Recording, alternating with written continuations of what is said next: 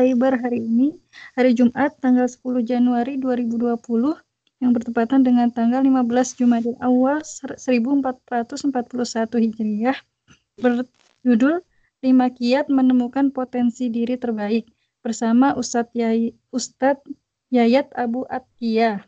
Oke, Ustadz sudah bergabung. Uh, sudah ada sudah masuk belum, Mbak? Oh, sudah. Iya, sudah. Assalamualaikum, ah, iya. Ustadz. Saya langsung serahkan formnya ke Ustadz G. Bismillahirrahmanirrahim. Assalamualaikum warahmatullahi wabarakatuh. Alhamdulillahi rabbil alamin. Assalatu wassalamu ala sayyidina Muhammadin wa ala alihi wa ashabihi wa man tabi'ahu dahu ila yaumiddin. Amma ba'd. Sahabat muslimah yang dirahmati oleh Allah Subhanahu wa taala, bersyukur kita kepada Allah, Allah karuniakan kenikmatan iman kepada kita sehingga bisa melakukan amaliyah ketaatan kepada Allah Subhanahu wa taala. Semoga Allah Subhanahu wa taala menerima amal ibadah kita dan mudah-mudahan Allah Subhanahu wa taala mengkaruniakan keistiqomahan dalam keimanan, dalam ketaatan, dalam ketakwaan sampai akhir hayat kita. Sehingga mudah-mudahan dengan itu kita dimuliakan oleh Allah Subhanahu wa taala di dunia dan kelak di surganya insyaallah amin. Ya rabbal alamin Salam serta salam kita haturkan kepada uswah hasanah kita Baginda Muhammad sallallahu alaihi wasallam. Semoga kita diakui sebagai umatnya, mendapat syafaatnya dan mudah-mudahan kelak bisa bertemu dengan beliau di surga Allah Subhanahu wa taala. Amin ya rabbal alamin. Sebelum kita mulai, kita sama-sama berdoa kepada Allah Subhanahu wa taala. Semoga Allah Subhanahu wa taala mengkaruniakan ilmu yang berkah, bermanfaat, bisa kita amalkan menjadi bekal di dunia dan kelak menjadi bekal kita di akhirat insyaallah. Amin. Ya rabbal alamin. Baik sahabat muslimah yang dirahmati oleh Allah Subhanahu wa taala tema kita adalah lima kiat menemukan potensi diri terbaik. Ini yang diminta oleh uh, teman-teman muslimah di Korea ya. Baik. Uh, sebelum saya mulai uh, materi ini saya ingin bertanya dulu maksudnya ini teman-teman eh, sahabat-sahabat semua mendengar uh, apa bisa bisa apa mungkin materi ini. komunikasi. Oh, ada suara mencari ya? Lima cara menemukan potensi diri. Oh ini siapa? Suara siapa nih? Baik baik. Uh, jadi yang pertama adalah uh, kenapa kita mesti uh, memaksimalkan potensi diri kita gitu ya? Kenapa kita uh, ada suaranya, Mbak? Ada Ustaz, udah. Oke, oke, oke. Ada ya? Ada, ya. Oke, sih.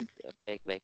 Baik ya. Jadi uh, di dalam surah Al-Lail ayat yang keempat Allah menggambarkan inna sa'yakum lasyatta. Sesungguhnya uh, kita memiliki usaha yang berbeda-beda di di dunia ini ya. Usaha yang berbeda-beda. Allah Subhanahu wa taala karuniakan potensi untuk diri kita. Nah, sahabat muslimah yang dirahmati Allah Subhanahu wa taala, jadi kenapa kita um, mesti menemukan potensi diri kita gitu ya. Kemudian kita bisa memaksimalkannya. Yang pertama adalah uh, sebagai sarana mengaktualisasikan diri kita gitu ya. Kita sebagai makhluk sosial itu perlu beraktualisasi gitu ya. Beraktualisasi eh, apa namanya dalam memaksimalkan potensi diri kita dan kita mesti menemukannya. Allah Subhanahu wa taala digambarkan kita punya potensi yang berbeda-beda. Yang kedua adalah dengan potensi diri kita itu ketika kita bisa menemukannya, maka kita bisa maksimal berkontribusi gitu ya. Bisa maksimal berkontribusi. Makanya digambarkan di dalam hadis itu khairun nas anfa'uhum linnas sebaik-baik manusia adalah yang bermanfaat buat yang lainnya. Artinya apa? Kita memberikan kemanfaatan dengan potensi diri kita yang Allah anugerahkan kepada kita. Nah, kemudian yang ketiga adalah potensi diri kita yang bisa kita temukan kemudian kita bisa maksimalkan, maka ini akan apa namanya berpeluang untuk kita memaksimalkan amal jariah. Makanya digambarkan di dalam hadis yang diriwayatkan oleh Imam Muslim, idamatal insanu in koto amaluhu illa min salasah. Jadi ketika meninggal manusia itu terputus semua amalnya kecuali tiga di antaranya adalah ilmu yang bermanfaat. Nah jadi ilmu yang bermanfaat inilah inilah bagian dari potensi diri kita. Ya, ilmu yang bermanfaat ini bagian dari potensi diri kita dan ketika kita berbicara masalah ilmu maka ini luas sekali bukan hanya ilmu ilmu syariah gitu ya tapi ilmu-ilmu yang lainnya. Nah sahabat yang Rasulullah wa taala jadi ini di antara beberapa alasan kenapa kita e, mesti memaksimalkan potensi diri kita. Kemudian kalau dalam dimensi duniawi maka dengan potensi diri kita yang kita bisa menemukan potensi itu kemudian kita bisa maksimalkan maka insya Allah ini juga berpeluang untuk kita mendapatkan mungkin kedudukan duniawi gitu ya nah, pangkat jabatan kemudian apa namanya dari sisi income gitu ya ini juga sangat berpotensi untuk lebih lebih maksimal gitu ya. Nah sebagai sebuah landasan eh, saya ingin menyampaikan eh, perkataan seorang ulama gitu ya. Seorang ulama di sini menggambarkan bahwa uh, digambarkan di dalam uh, sebuah kitab itu Ibnu Jauzi beliau mengatakan seperti ini. Jadi seorang muslim itu hendaklah memiliki ulul himmah. Apa itu ulul himmah? Yaitu obsesi tinggi, obsesi yang tinggi di dalam diri kita. Ya, obsesi diri yang tinggi di dalam diri kita. Ya. Digambarkan bahwa khuruju nafsi ila goyati kamaliha al-mumkinulaha fil ilmi wal amal. Ya.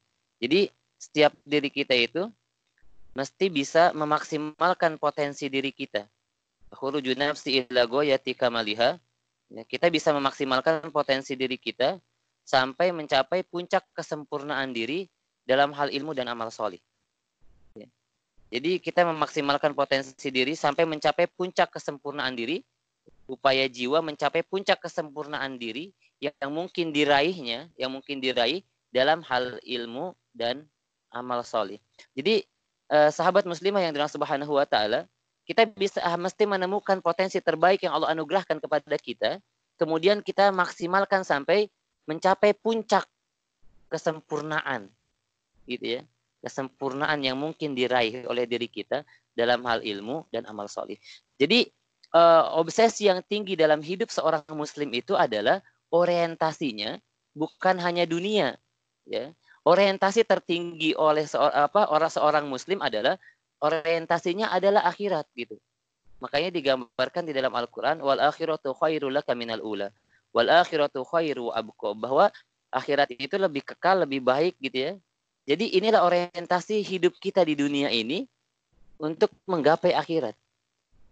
Sehingga ya bagi kita dunia ini adalah mazru'atul akhirah. Apa itu? Jadi jembatan untuk menuju akhirat. Dunia itu bukan tujuan kita, tapi dunia itu adalah sebagai sarana wasilah untuk menuju ke akhirat. Makanya digambarkan konsep di dalam Al-Qur'an, wabtagi fi ma ataqallahu darul akhirah wala tansa nasibaka minad dunya. Cari oleh kita gitu ya, bekal kehidupan akhirat, tapi jangan melupakan dunia. Jadi konsepnya adalah kita menjadikan semua yang kita lakukan di dunia ini sebagai apa namanya amal solih orientasinya akhirat sehingga digambarkan di dalam surah al asr itu Allah menggambarkan in uh, wal asr demi waktu ini ya waktu ini sebagai modal kehidupan kita karena kita uh, kumpul hidup di dunia ini kumpulan dari detik-detik waktu dan Rasulullah SAW menggambarkan di dalam hadisnya a'maru ummati baina sittina wa sana. Kebanyakan umur umatku itu adalah 60 sampai 70 tahun. Ini gambaran Rasulullah SAW menggambarkan di dalam hadisnya. Kemudian ya saya pernah baca uh, buku dan saya juga tulis di buku yang uh, saya tulis tentang kebahagiaan itu bahwa uh, saat kita tidur 20 uh, tidur 8 jam sehari maka total tidur kita sekitar 20 tahun. Ketika kita bekerja duniawi 8 jam sehari, maka total uh, kerja kita itu 8, uh, 20 tahun. Jadi hidup kita di dunia yang digambarkan oleh Rasulullah SAW itu dua apa 60 sampai 70 tahun untuk tidur dan bekerja itu 40 tahun. Kemudian saat kita dikurangi masa misalkan sebelum balik misalkan 15 tahun misalkan. Jadi 40 tahun ditambah 15 tahun sekitar 55 tahun. Itu untuk tidur, untuk bekerja gitu ya, eh, dikurangi masa sebelum balik. Nah, kalau usia kita misalkan 65 tahun, sisanya berarti tinggal 10 tahun. Kemudian mana amal soleh yang akan kita banggakan di hadapan Allah Subhanahu wa taala? Maka digambarkan oleh Allah Subhanahu wa taala, "Innal insana lafi khusr bahwa semua manusia itu akan mengalami kerugian illa ladina amanu kecuali orang yang beriman. Nah ini tadi ya, ini iman. Makanya anugerah yang saling sangat berharga yang Allah berikan kepada hamba-hambanya yang dikaruniakan oleh Allah Subhanahu wa taala adalah anugerah keimanan. Ya. Kemudian berikutnya adalah wa amilus solihat. Jadi bukan hanya iman tapi juga beramal soleh. Jadi semua yang dilakukan di dunia ini orientasinya adalah untuk beribadah kepada Allah Subhanahu wa taala wa ma khalaqtul jinna wal insa illa liya'budun. Jadi semua yang kita lakukan di dunia ini termasuk tadi kita mencari potensi di dalam diri kita yang terbaik kemudian kita maksimalkan, niatnya adalah orientasinya akhirat untuk beribadah kepada Allah Subhanahu wa taala sehingga semua yang kita lakukan itu menjadi wa amilus solihat yaitu amal solih. Jadi sahabat muslimah yang dirahmati oleh Allah Subhanahu wa taala dengan waktu di dunia yang terbatas tadi ketika kita menjadikan semua aktivitas kita yang kita lakukan di dunia ini orientasinya adalah akhirat, maka insya Allah itu akan menjadi amal solih kita. Wa amilus solihat. Dan ini di antara orang-orang yang dikecualikan oleh Allah Subhanahu wa taala ketika manusia innal insana lafi khusr mengalami kerugian, maka orang-orang yang menjadikan seluruh aktivitas duniawinya sebagai amal soleh menuju ke akhirat, maka dia dikecualikan oleh Allah Subhanahu wa taala wa amilus solihat. Yaitu orang-orang yang menjadikan semua yang dilakukan di dunianya ini sebagai ibadah amal soleh yang orientasinya akhirat. Kembali tadi sahabat yang dirahmati oleh Allah Subhanahu wa taala. Jadi uh, sebuah kemestian dan semua keniscayaan bagi kita ya untuk menggapai puncak kesempurnaan diri kita, mencari potensi, menemukan potensi yang terbaik yang kita miliki, yang Allah anugerahkan kepada kita, yang sesungguhnya Allah sudah berikan kepada kita potensi itu, yang kita harus menemukannya, kemudian kita maksimalkan semaksimal mungkin, gitu ya. Sehingga kita bisa benar-benar maksimal berkontribusi memberikan manfaat buat orang lain bahkan gitu ya potensi diri yang kita maksimalkan ini bermanfaat buat orang lain dan juga insya Allah menjadi peluang amal jariah yang ketika kita meninggalkan dunia ini pahala dan amalnya akan terus mengalir kepada kita. Tadi ilmu yang bermanfaat. Memberikan ilmu yang bermanfaat di antara tiga hal itu. Sahabat ya Subhanahu wa taala jika kita bercermin, ya ini kan muslimah semua gitu ya. Mungkin kalau kita bercermin secara umum kepada para sahabat Rasulullah Shallallahu Alaihi Wasallam, kita bisa melihat uh, setiap sahabat itu punya kelebihan, ya, punya potensi yang yang tidak dimiliki oleh orang yang lain atau potensinya ini lebih dominan dibandingkan dengan sahabat-sahabat yang lainnya. Mungkin mereka mempunyai kemampuan yang standar, tapi ada yang lebih dominan dari seorang sahabat secara individu itu memiliki dominas dominan di dalam bidang tertentu. Sehingga mereka para sahabat Rasulullah Shallallahu Alaihi Wasallam itu memiliki gelar-gelar tertentu. Contoh misalkan ya ketika kita menggambarkan sahabat Rasulullah Shallallahu Alaihi Wasallam yang bernama Abu Bakar Siddiq radhiyallahu an Abu Bakar gitu ya maka gelar beliau adalah As-Siddiq gitu ya. Abu Bakar gelarnya adalah As-Siddiq orang yang jujur. Nah, apakah para sahabat yang lain tidak jujur? Sahabat yang lain juga jujur, tapi beliau memiliki keistimewaan tersendiri, gitu ya, dalam masalah kejujuran ini. Sehingga beliau dikatakan Abu Bakar As-Siddiq, gitu ya. Kemudian Umar bin Khattab, ya, Umar bin Khattab ini eh, terkenal dengan Al Faruq, gitu ya, Al Faruq, pembeda antara yang hak dan yang batil. Apakah para sahabat yang lain tidak bisa membedakan? Mereka juga bisa membedakan. Tapi uh, Umar bin Khattab ini beliau punya keistimewaan tersendiri dalam hal uh, membedakan antara hak dan yang batil. Kemudian Utsman bin Affan terkenal dengan Dunurain yang punya dua cahaya. Ali bin Abi Thalib karamahullah wajah. Ayah Allah muliakan wajahnya. Ya. Bilal bin Rabah muadzinur Rasul, tukang azannya Rasul. Apakah yang lain tidak bisa azan para sahabat yang lain? Bisa. Tapi Bilal bin Rabah ini terkenal dengan tukang azannya Rasulullah Shallallahu Alaihi Wasallam.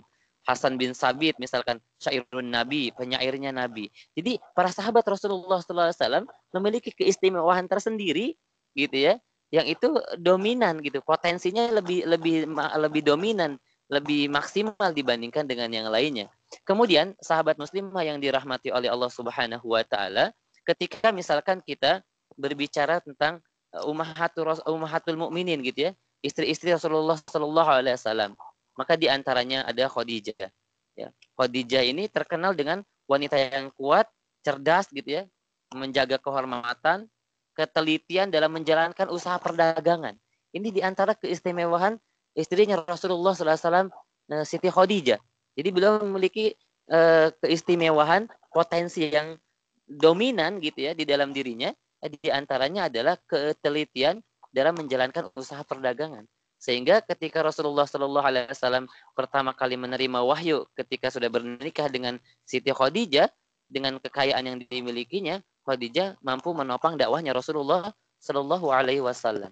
Kemudian Aisyah radhiyallahu anha, beliau juga memiliki kecerdasan ya yang terkenal dengan kecerdasannya, kemudian kejuhudannya, warok dan kepedulian kepada yang lainnya. Nah, kemudian ada Ummu Salama.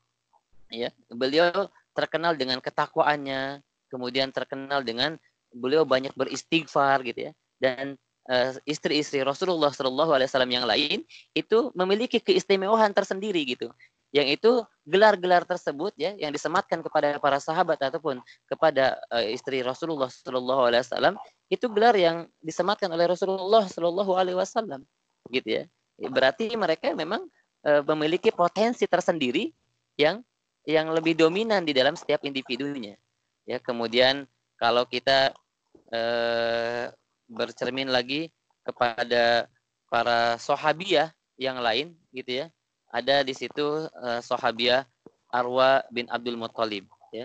Ada sahab uh, apa namanya? Sahabiah Arwa bin Abdul Muthalib ini kelebihan beliau adalah ya, ini wanita yang memiliki ide-ide yang jernih. Ide-idenya sangat brilian. Kemudian profesional dalam melantunkan syair. Gitu ya, ini sahabiah Arwa bin binti Abdul Muthalib yang wafat pada tahun 15 Hijriah. Kemudian ada lagi Fatimah binti Qais. Ya. Binti Qais. Fatimah binti Qais. Beliau adalah seorang wanita yang berpandangan luas. Ya. Berpandangan luas. Dan ketika ada pertemuan tokoh-tokoh Islam di situ ya, untuk bermusyawarah, untuk memusyawarahkan khalifah pengganti Umar gitu ya, ini diselenggarakannya di tempat kediaman beliau, gitu ya, Fatimah binti Qais. Banyak sahabat-sahabat yang lain ya yang memiliki keistimewaan dan hampir semuanya memiliki keistimewaan tersendiri gitu. Keistimewaan tersendiri. Jadi eh, sahabat muslimah yang dirahmati oleh Allah Subhanahu wa taala kita sebagai seorang yang beriman mesti menemukan potensi diri yang terbaik di dalam diri kita yang kemudian kita bisa maksimalkan semaksimal mungkin yang potensi diri ini memberikan kemanfaatan buat banyak orang gitu ya, memberikan kemanfaatan buat banyak orang.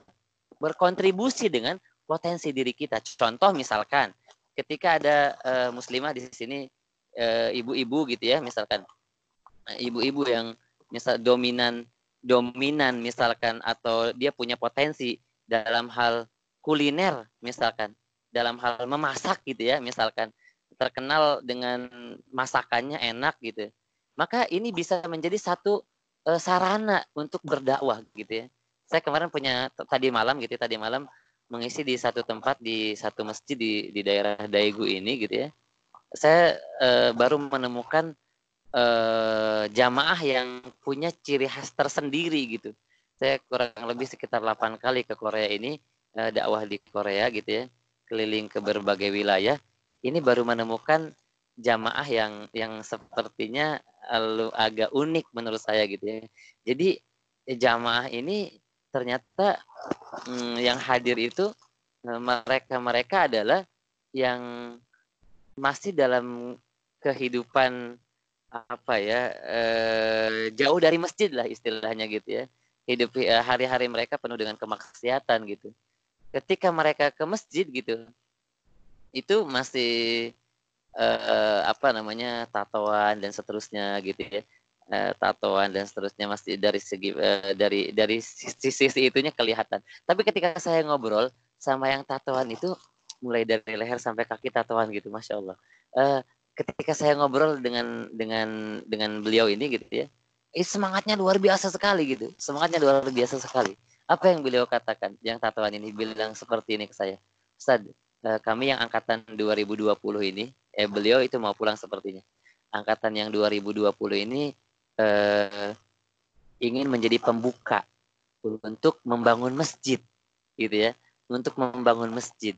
Nah kami nanti pulang tapi kami nggak tahu kapan bisa terrealisasi nih bangun masjid kurang lebih bahasnya seperti itulah jadi kapan terrealisasinya ini masjid bisa dibangun permanen kita nggak tahu.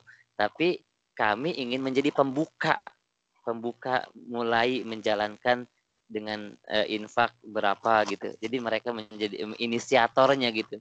Mereka menjadi inisiator. Saya sangat uh, apa kagum dengan mereka gitu ya jadi ketika apa namanya mereka punya masa lalu mungkin dalam kemaksiatan, kemudian mereka ke masjid gitu ya, eh, ada satu apa eh, kesemangat untuk eh, berbuat amal solih gitu, bahkan cita-citanya ya dia bangun masjid gitu, cita-cita mereka membangun masjid gitu. Nah ini luar biasa. Nah, maksud saya eh, sisi sisi apanya yang ingin saya ambil dari dari materi kita ini, tema kita ini, saya ketika pulang ngobrol dengan salah satu jamaah, gimana caranya itu bisa merekrut orang-orang yang di luar masjid yang memang mereka masih mabuk, masih bermaksiat dan seterusnya maksiat-maksiat mereka masih jalankan. Bagaimana caranya kok mereka bisa masuk ke masjid gitu? Sampai orang-orang yang seperti itu dia punya semangat untuk bangun masjid gitu. Gimana cara cara merekrutnya gitu. Nah, saya dapat cerita bahwa mereka ini gitu ya di direkrut itu eh, maksudnya ditarik untuk datang ke masjid dengan cara di antaranya adalah uh, ada pertandingan sepak bola gitu. Ada klub-klub bola. Nah masjid itu termasuk yang mempunyai klub sepak bola gitu. Dan ada turnamen sepak bola. Sehingga dengan dengan dengan uh, turnamen sepak bola ini kemudian masjid bergabung di situ gitu ya eh, sehingga mereka banyak tertarik gitu tertarik untuk datang ke masjid dengan eh, dengan bola. Jadi maksudnya apa? Ketika misalkan ada seorang yang dia punya potensi orang solih gitu ya dia punya potensi sebagai pemain sepak bola yang yang dia jago misalkan dalam dalam dalam bidang sepak bola kemudian orang-orang yang di luar masjid yang punya kecenderungan dalam dunia bola eh, dia kagum dengan orang masjid yang pintar sepak bolanya itu itu bisa menjadi daya tarik tersendiri untuk mengajak orang lain lebih taat kepada Allah Subhanahu wa taala datang ke masjid. Itu yang saya ingin sampaikan dengan materi kita ini. Balik tadi, misalkan ketika ada ibu-ibu yang e, muslimah gitu ya, sudah mulai aktif di majlis taklim, sudah mulai ikut pengajian gitu ya, e, sudah mulai timbul kesadaran untuk semakin baik, memperbaiki dirinya gitu ya, memperbaiki keluarganya gitu.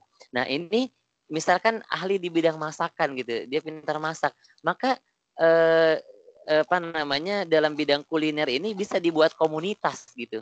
Komunitas-komunitas orang-orang yang memang eh, belum datang ke masjid gitu. Apa bukan belum bahkan kalau ini yang muslimah ya. Belum misalkan mau terlibat di majlis taklim aktif di majlis taklim misalkan uh, masih di luar uh, masih masih mungkin bermaksiat dan seterusnya gitu ya. Ini dunia kuliner ini kan umum gitu. Dunia kuliner ini umum bisa menjadi salah satu sarana untuk mengumpulkan banyak orang, kemudian kita dominan di situ punya potensi, kemudian mereka kagum dengan kita gitu ya, dengan kelebihan kita, dan itu bisa dijadikan sarana untuk menarik mereka agar mereka lebih uh, bisa aktif di majelis taklim, lebih uh, mau beribadah, mau memperbaiki diri dalam bahasa sekarang, mau hijrah gitu. Nah, jadi ini sangat potensial sekali. Kemudian misalkan ada ibu-ibu yang uh, punya kemampuan di bidang uh, apa fashion gitu ya. Misalkan apa sih uh, jahit gitu ya menjahit pakai buat buat desain baju atau jahit gitu. Ini juga bisa menjadi salah satu sarana gitu. Ketika potensi ini terlihat maka itu potensi itu bisa kita maksimalkan. Kemudian bisa mengajak orang lain gitu ya mengajak orang lain yang yang belum mau datang ke majelis taklim dan seterusnya ini bisa menjadi salah satu sarana untuk bisa mengikat mereka dalam sebuah komunitas. Nah, jadi sahabat muslimah yang dirahmati Allah Subhanahu wa taala, jadi menemukan potensi terbaik diri kita itu adalah untuk hal yang hal yang bermanfaat dan memberikan kemanfaatan buat banyak orang, gitu ya. Kemanfaatan buat banyak orang. Sehingga kita benar-benar bisa berkontribusi maksimal gitu. Bisa berkontribusi maksimal walaupun mungkin kita secara apa secara kemampuan ilmu syariah agak kurang gitu, tapi kita bisa e, berkontribusi gitu ya, bisa beramal soli dengan potensi yang kita miliki gitu. Nah, potensi-potensi inilah yang ketika setiap orang punya kemampuan e, individu yang dominan, yang maksimal di dalam bidang yang berbeda-beda, kemudian kita ikat dalam satu ikatan e, ketaatan kepada Allah Subhanahu wa taala dalam sebuah komunitas gitu. Ya, mungkin komunitasnya ini e, Rumaisa Rumaisa ya Rumaisa. Eh apa tadi komunitasnya saya lupa, bukan Rumaisa apa namanya?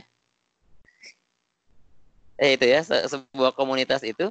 Jadi hmm, ini bisa bisa bisa menjadi sebuah kekuatan ya dalam dalam bersinergi gitu. Oh ini muslimah Oh iya benar Rumaisa ya Rumaisa. Nah jadi sahabat muslimah yang dirahmati Allah Subhanahu Wa Taala, ketika setiap individu misalkan di sini ada berapa orang gitu ya, ada 20 orang misalkan, setiap orang menemukan potensi-potensi diri yang ter, individu yang terbaik, kemudian digabungkan dalam satu apa namanya komunitas Rumaisa ini, maka potensi-potensi itu akan akan akan bisa lebih mempengaruhi yang lain gitu untuk bergabung dengan komunitas ini.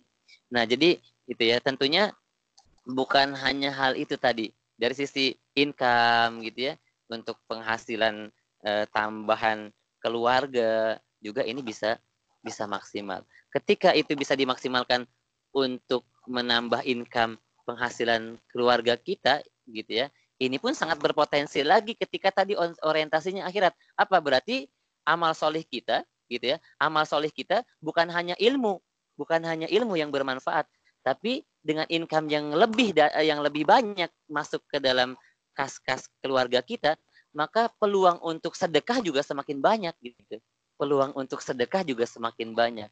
Sehingga potensi diri yang dimaksimalkan itu bisa apa bisa dimaksimalkan itu bisa menambah income. Dengan income itu kita bisa lebih banyak bersedekah gitu ya. Dengan sedekah itulah insya Allah itu bagian dari amal jariah yang akan terus mengalir kepada kita gitu ya akan terus mengalir kepada kita.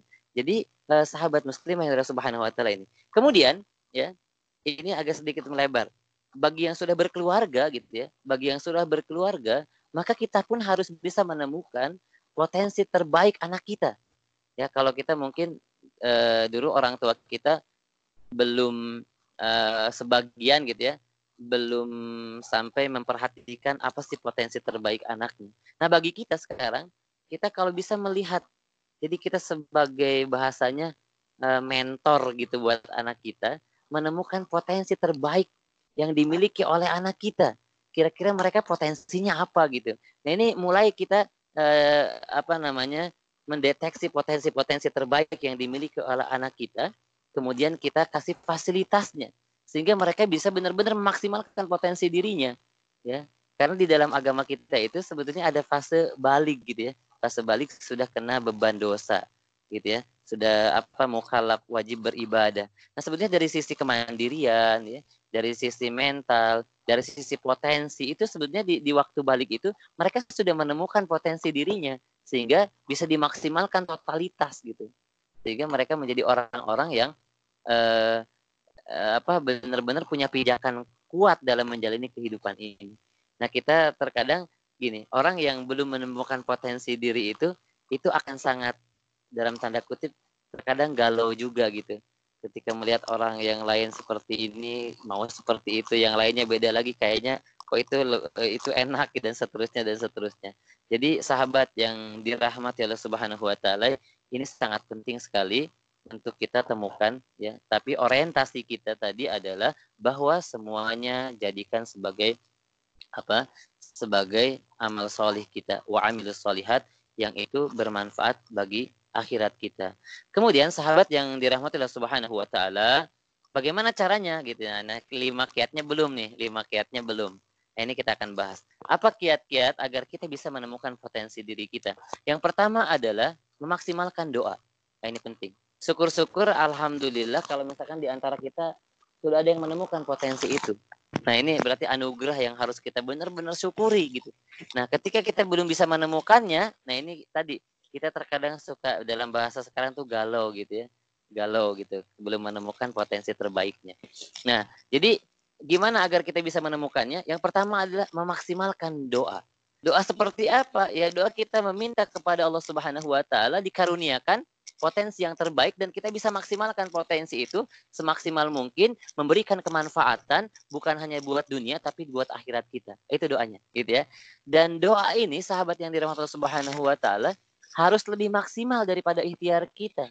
Doa itu harus lebih maksimal daripada ikhtiar kita. Kenapa?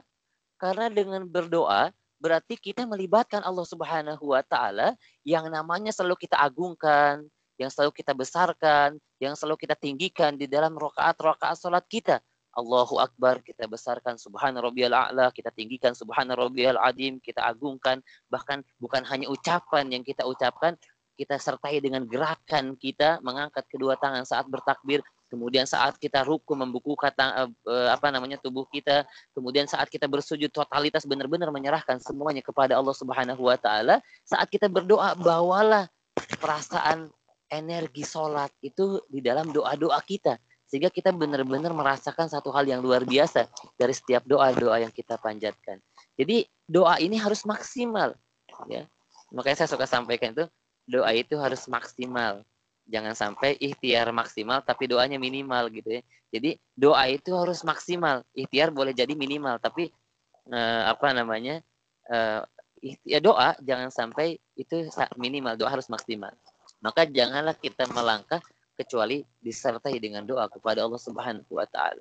Nah, sahabat yang Allah Subhanahu wa taala, kita bisa bercermin kepada doa nah ini manusia yang paling kaya di muka bumi manusia yang paling kaya di muka bumi yaitu Nabi Sulaiman alaihissalam. Nabi Sulaiman alaihissalam beliau berdoa kepada Allah Subhanahu wa taala. Apa doanya?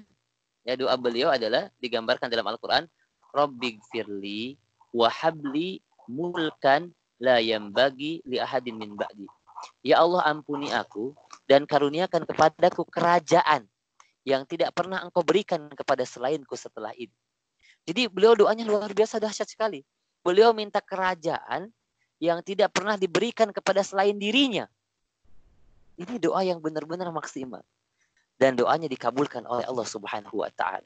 Jadi saat kita me, me, apa namanya ingin menemukan potensi diri terbaik kita, maka kita benar-benar berdoa yang totalitas kepada Allah Subhanahu wa taala. Gitu ya. Doa yang totalitas. Tapi dalam hal doa gitu ini bab doanya sedikit fokusnya bukan kepada dikabulkan atau tidaknya doa-doa kita. Fokus doa itu adalah diampuni atau tidak dosa-dosa kita. Makanya Nabi Ibrahim alaihissalam sebelum sebelum beliau meminta hajatnya kepada Allah Subhanahu wa taala, sebelum beliau meminta kerajaan kepada Allah Subhanahu wa taala, yang beliau ucapkan adalah firli, ya Allah ampuni aku. Jadi sahabat yang Allah Subhanahu wa taala fokus dalam doa itu adalah diampuni atau tidak dosa-dosa kita. Karena kalau diampuni dosa-dosa kita, insya Allah doa-doa kita akan dikabulkan oleh Allah Subhanahu wa taala. Makanya digambarkan dalam Al-Qur'an, wa idza sa'alaka ibadi anni fa inni qarib dadaan.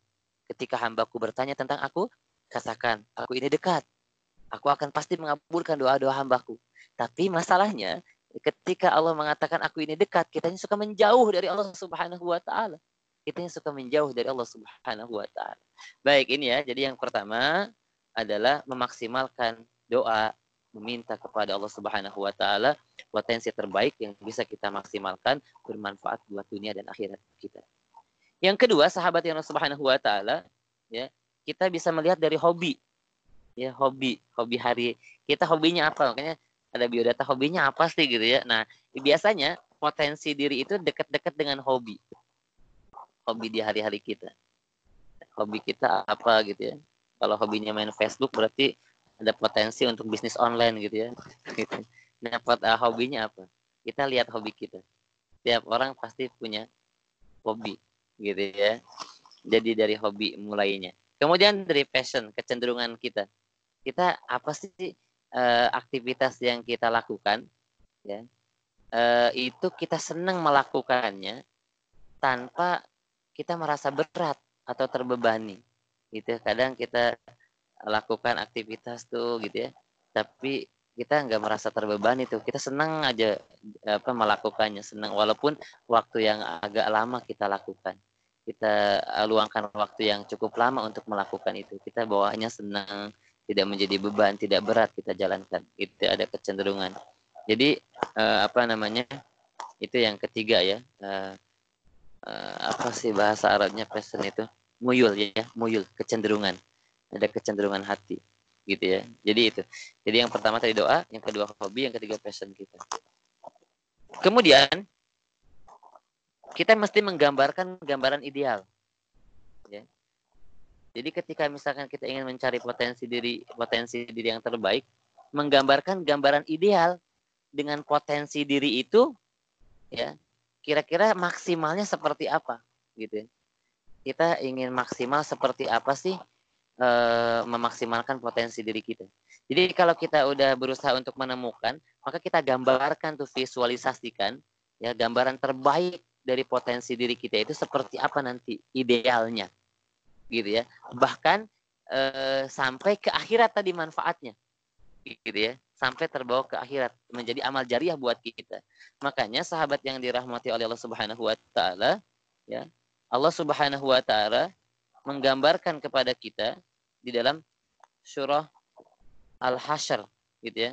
Digambarkan di dalam surah Al-Hasyr ayat yang ke-18 Allah menggambarkan ya ayyuhalladzina amanu taqullah wal qaddamat ligad wattaqullah innallaha khabirum bima ta'malun.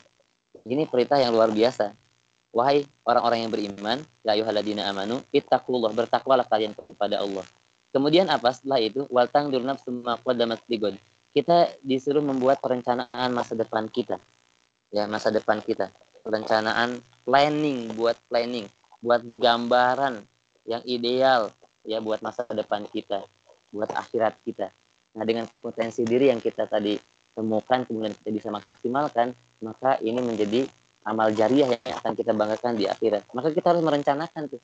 Benar-benar kita rencanakan. Kemudian wattaqullah. Nah, jadi eh, kata eh, waltang durnaf dan membuat perencanaan, membuat planning ini diapit oleh dua kata takwa di situ. Artinya apa? Bahwa orang-orang yang bertakwa itu memiliki visi yang besar dalam hidupnya.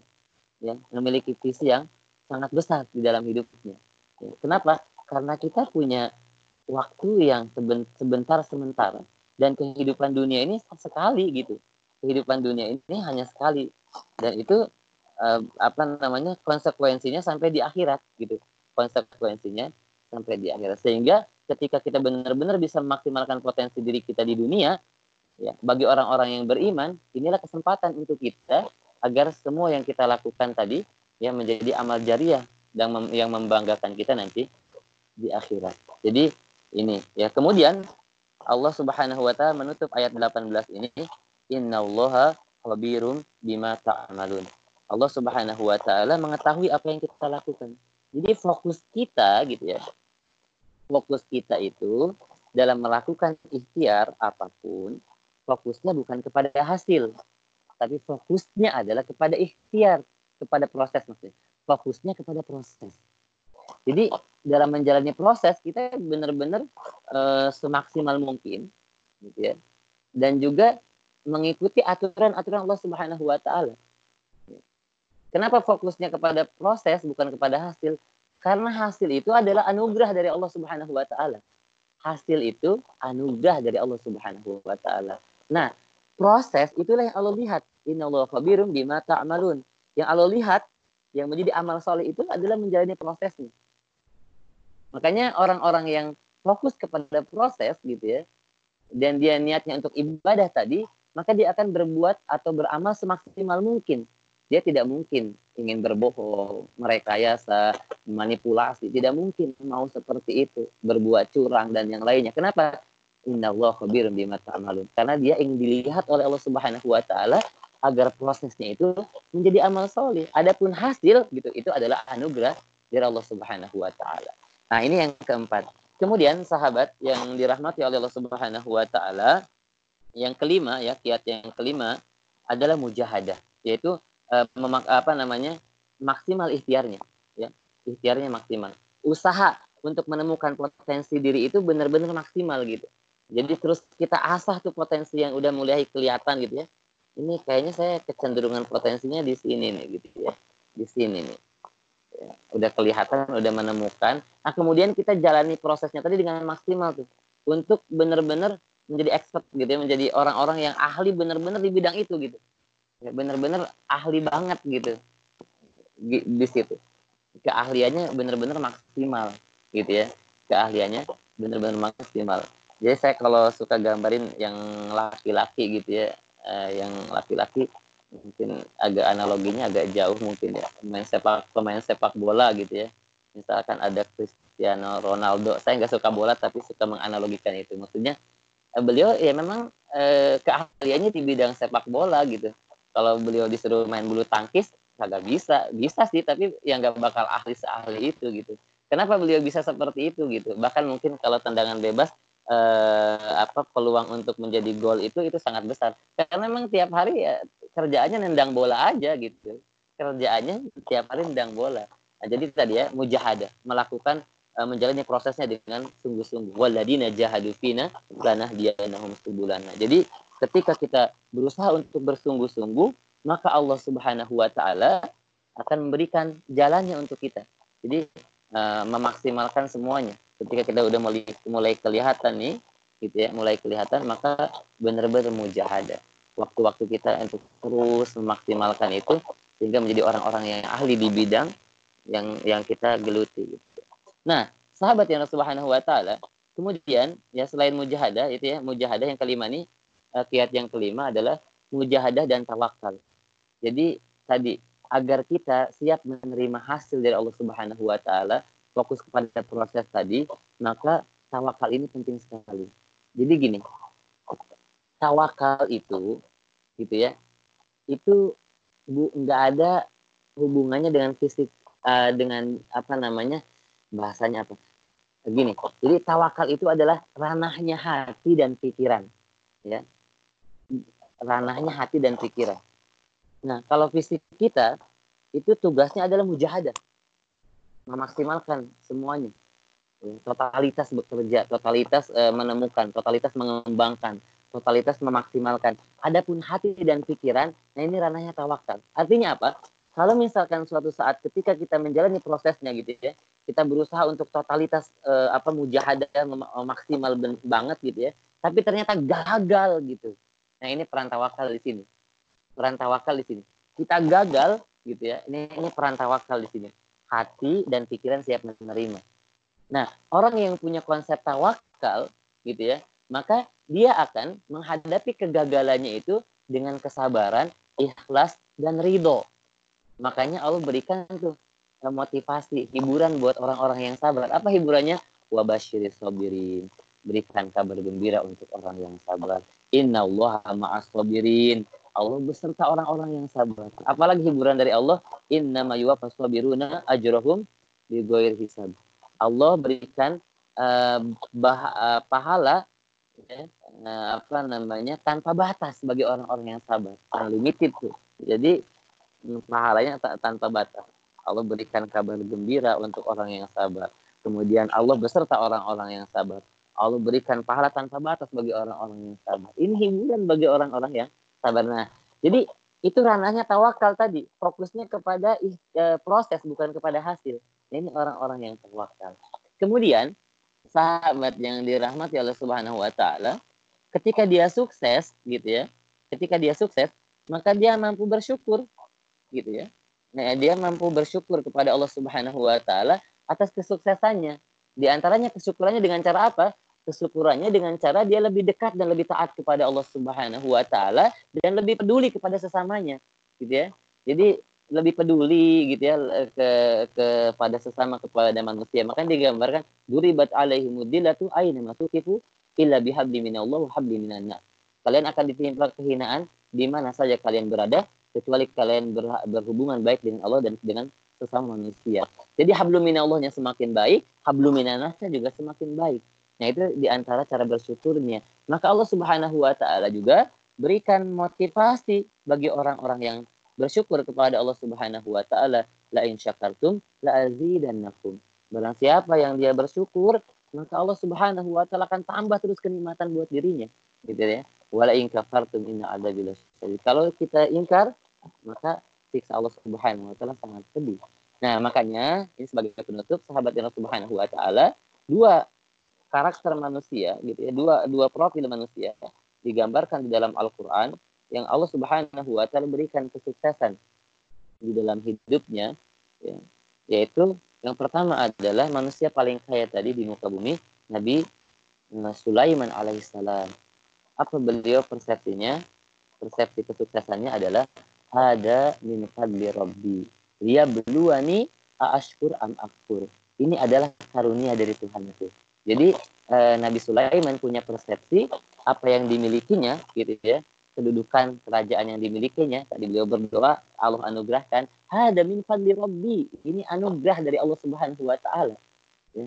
Dia beluani sebagai ujian Ashkur am akfur. Apakah aku akan bersyukur dengan kenikmatan ini atau aku ingkar dengan kenikmatan ini? Ini persepsi Nabi Sulaiman alaihissalam. Beda dengan Fir'aun. Fir'aun ketika diberikan kelebihan oleh Allah Subhanahu wa taala, dia malah mengatakan ana rabbukumul a'la, aku Tuhan kalian yang paling tinggi. Nah, beda dengan persepsi Nabi Sulaiman tadi. Dan dia mengatakan hada min ilmin indi. Aku bisa seperti ini karena kecerdasanku. Jadi Fir'aun dia punya persepsi bahwa kelebihan yang dimilikinya karena potensi dirinya, ya, karena ilmunya, karena kelebihan dirinya, bukan atas anugerah dari Allah Subhanahu wa taala. Jadi, sahabat yang dirahmati Allah Subhanahu wa taala dalam menjalani proses untuk mencari potensi diri terbaik, semuanya niatkan karena ibadah dan itu juga semua adalah anugerah Allah Subhanahu wa taala. Anugerah dari Allah Subhanahu wa taala sebagai ujian bagi kita. Tolak ukurnya adalah ketaatan kepada Allah Subhanahu wa taala, semakin dekat, semakin bertakwa, semakin taat kepada Allah Subhanahu wa taala dan ketika diberikan potensi terbaik itu maka bersyukur semakin bersyukur kepada Allah.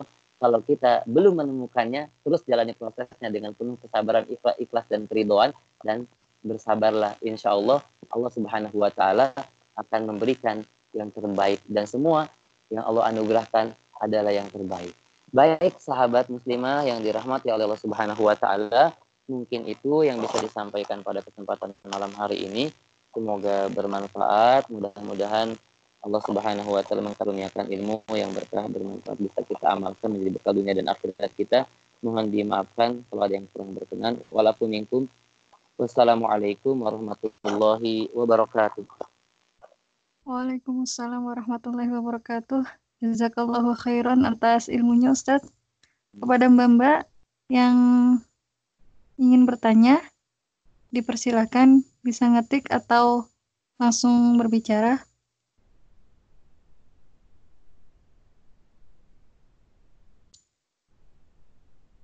Kalau belum ada, mungkin saya dulu mau tanya Ustadz. Oh iya, iya silakan. Bagaimana jika apa sih tadi kan potensi diri kita itu ya semacam passion, passion ya passion kita passion kita itu tidak didukung orang tua atau suami kita terus yang kedua uh, Ustadz punya saran tidak uh, lembaga atau apa ya atau program mana gitu yang bisa memfasilitasi kita untuk menemukan potensi diri makasih Ustadz. Iya iya iya, iya. baik baik.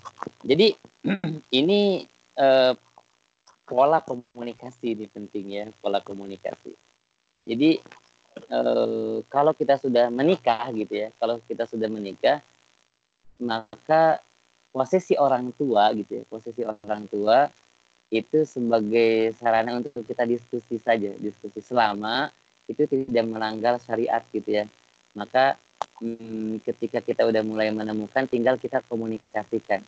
Dan kita mesti bertanya ketika misalkan orang tua kita tidak setuju kira-kira alasannya apa gitu. Nah itu ada ruang diskusi di situ ada ruang diskusi. Ada ruang diskusi bersama orang tua.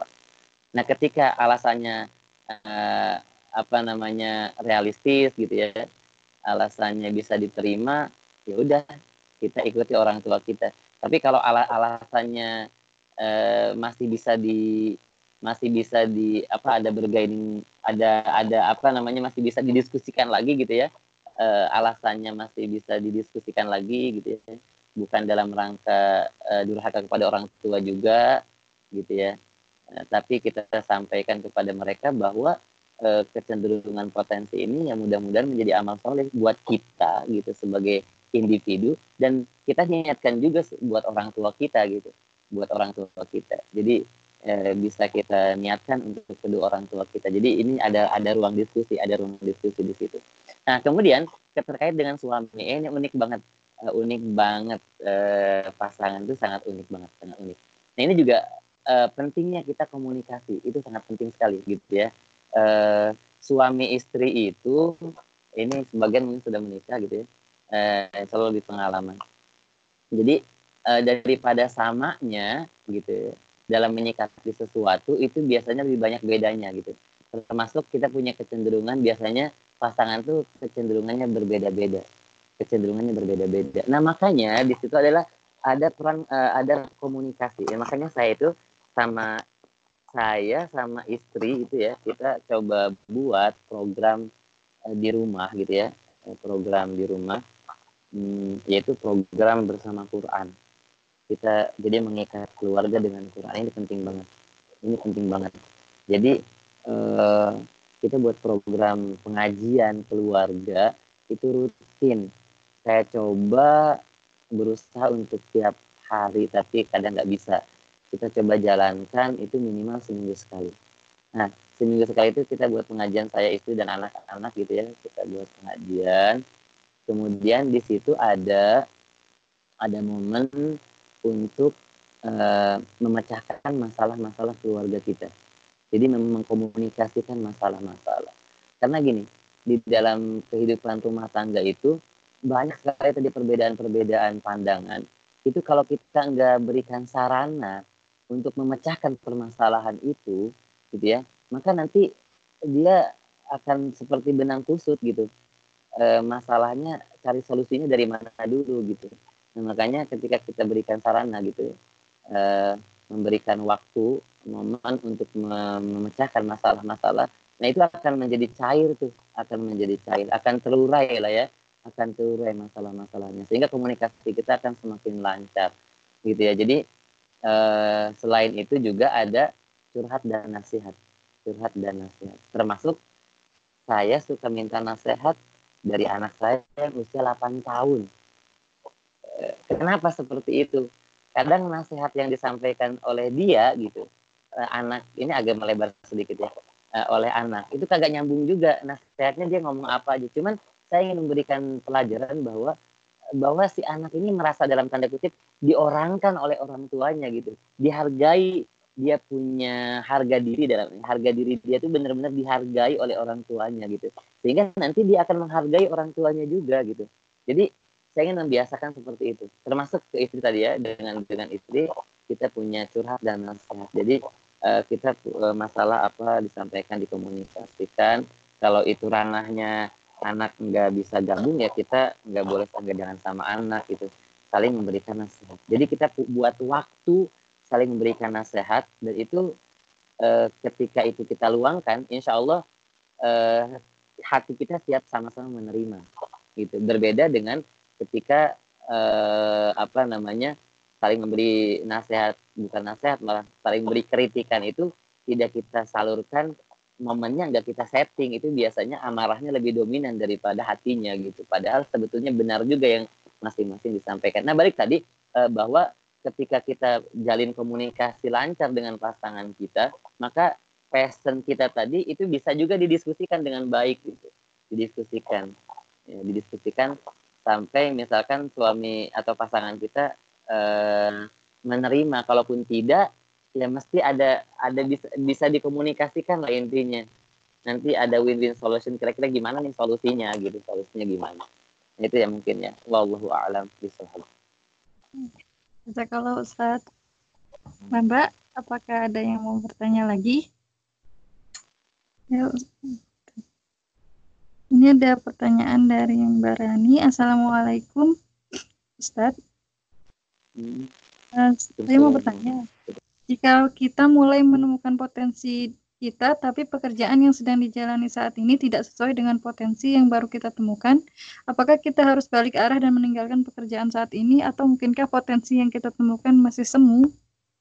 Oke, okay. baik. Jadi uh, jangan meninggalkan pekerjaan dulu gitu ya jangan meninggalkan pekerjaan dulu. Tapi uh, kita coba luangkan waktu untuk terus mengasah potensi diri kita itu. Masih ada ya masih ada waktu kita luangkan. Seminimal uh, seminimal apa pun gitu ya. Kalau kita sibuk banget gitu ya seminimal apa pun itu mesti kita luangkan waktu di hari-hari kita untuk terus mengasah gitu ya. Yang tadi lima tadi dilakukan doa doanya itu penting banget. Ya itu doa tuh bener-bener jangan sampai ditinggalin doanya itu paling penting. Sebelum apa pun doa nah jadi kalau udah mulai menemukan itu berarti anugerah yang luar biasa tuh. Ya karena eh, karena memang gitu ya eh, tidak semua orang pun bisa menemukan potensi diri. Tidak semua orang bisa menemukan potensi diri. Maka ketika kita udah menemukan oh ini anugerah yang luar biasa. Nah jadi ketika kita bekerja kemudian kita udah menemukan potensi itu maka jangan tinggalin dulu kerjaan kita. Gitu ya. Pertama yang dilakukan adalah meluangkan waktu seminimal mungkin gitu ya yang bisa kita alokasikan untuk mengasah punya kita punya potensi. Kemudian nanti suatu saat kita udah mulai kelihatan banget nih potensinya, kayaknya bisa banget dimaksimalin. Mulai kita buat planning kira-kira kapan nih kita berhenti kerja ya. Kemudian planning dengan jadi gini, uh, udah menemukan potensi dirinya, kemudian bisa kita kembangin kembangin sedikit-sedikit, kemudian kita bisa ngukur nih ya, dengan potensi diri kita ini bisa kita maksimalkan kira-kira kapan limit batas waktu ideal untuk kita uh, bisa berhenti kerja, kemudian bisa beraktualisasi dengan potensi yang yang kita miliki. Jadi kita ngukur, jangan langsung udah menemukan gitu ya, belum belum settle, belum stabil, kemudian kita keluar jangan, jangan jadi kita ukur ada perencanaannya sampai suatu saat nanti kita uh, memutuskan untuk berhenti kerja, tapi kita bisa beraktualisasi dengan dengan potensi diri kita itu, gitu ya. Allah bisa. Kemudian tadi saya lupa ya. Jadi kalau lembaga saya belum tahu ya, belum tahu lembaganya, belum tahu lembaga apa yang bisa itu ya, belum belum ada informasi. Baik, itu mungkin Allah alam bisawab. Hmm.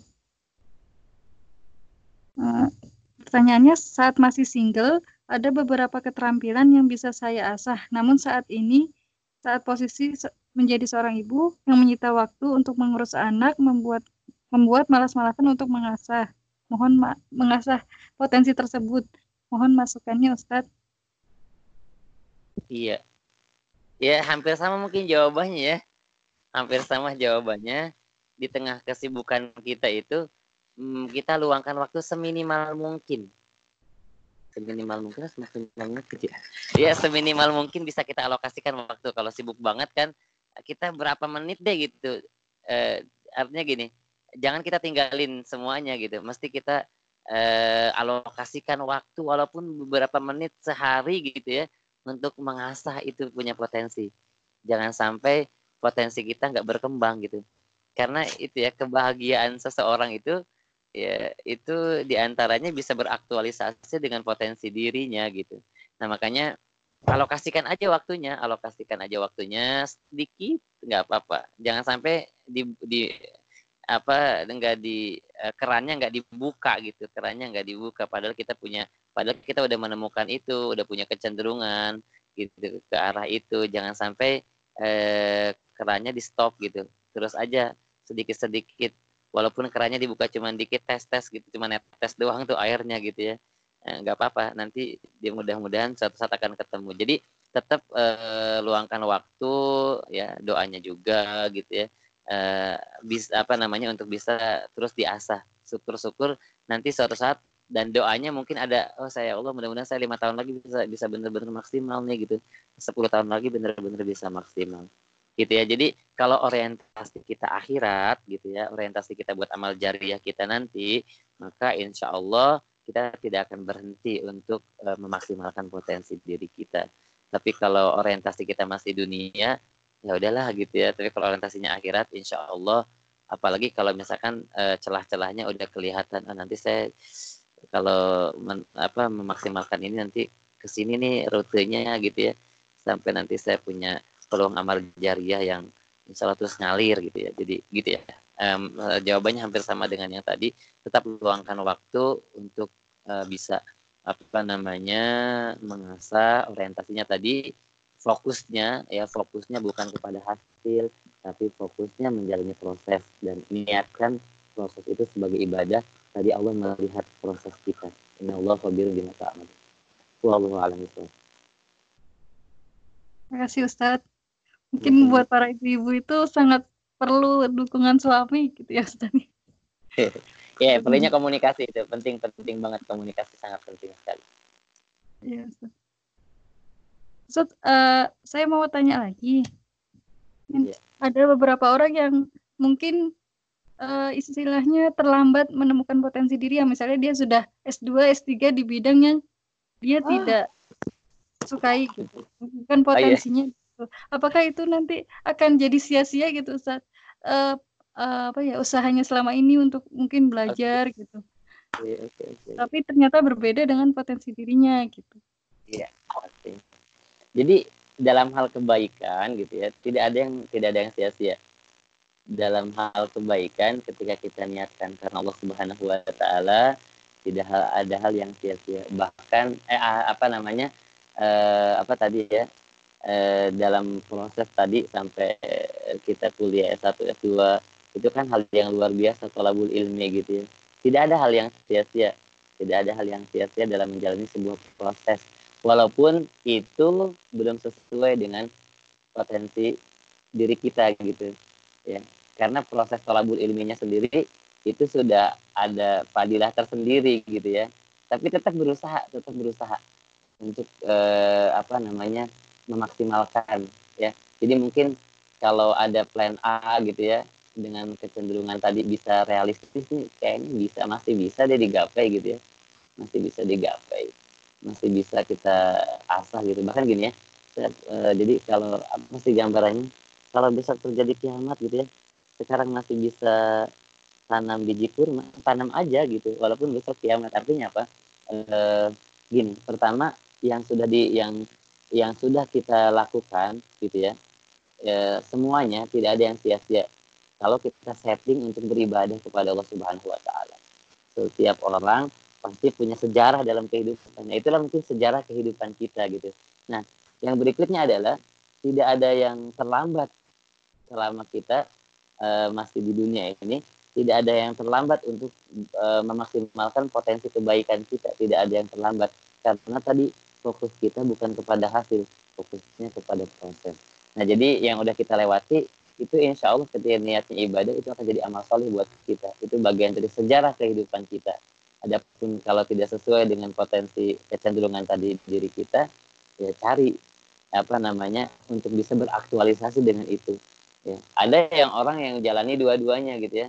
Misalkan eh, dengan kuliah dijalani, kemudian peluang-peluang kerja di bidang yang kita apa di bidang yang kita jalani ketika kuliah kerjanya di situ terus kemudian eh, masih bisa beraktualisasi dengan eh, bidang-bidang yang memang kita punya kecenderungan misalkan ada juga yang jalan dua-duanya seperti itu gitu ya jadi semuanya insya Allah eh, wa amilus ketika kita niatkan karena Allah Subhanahu Wa Taala gitu ya jadi bahkan itu pun bagian dari takdir yang Allah takdirkan untuk kita gitu. Wallahu a'lam bishawab. Baik, jazakallahu khairan Ustaz. Sepertinya sesi tanya jawab dicukupkan sampai di sini. Terima kasih banyak Ustadz atas ilmunya. Sama. Sangat bermanfaat sekali Ustadz. Amin amin amin. Allah. Kalau gitu eh, saya tutup saja forum ini dengan lafaz hamdalah. Alhamdulillahirrahmanirrahim. Kemudian doa kafaratul majelis. Subhanakallahumma wa bihamdika asyhadu an la ilaha illa anta astaghfiruka wa atubu ilaik. Terima kasih pada Mbak-mbak dan Ustadz khususnya jazakallahu khairan. Mohon maaf dari saya jika banyak salah. Wassalamualaikum warahmatullahi wabarakatuh. Waalaikumsalam warahmatullahi wabarakatuh.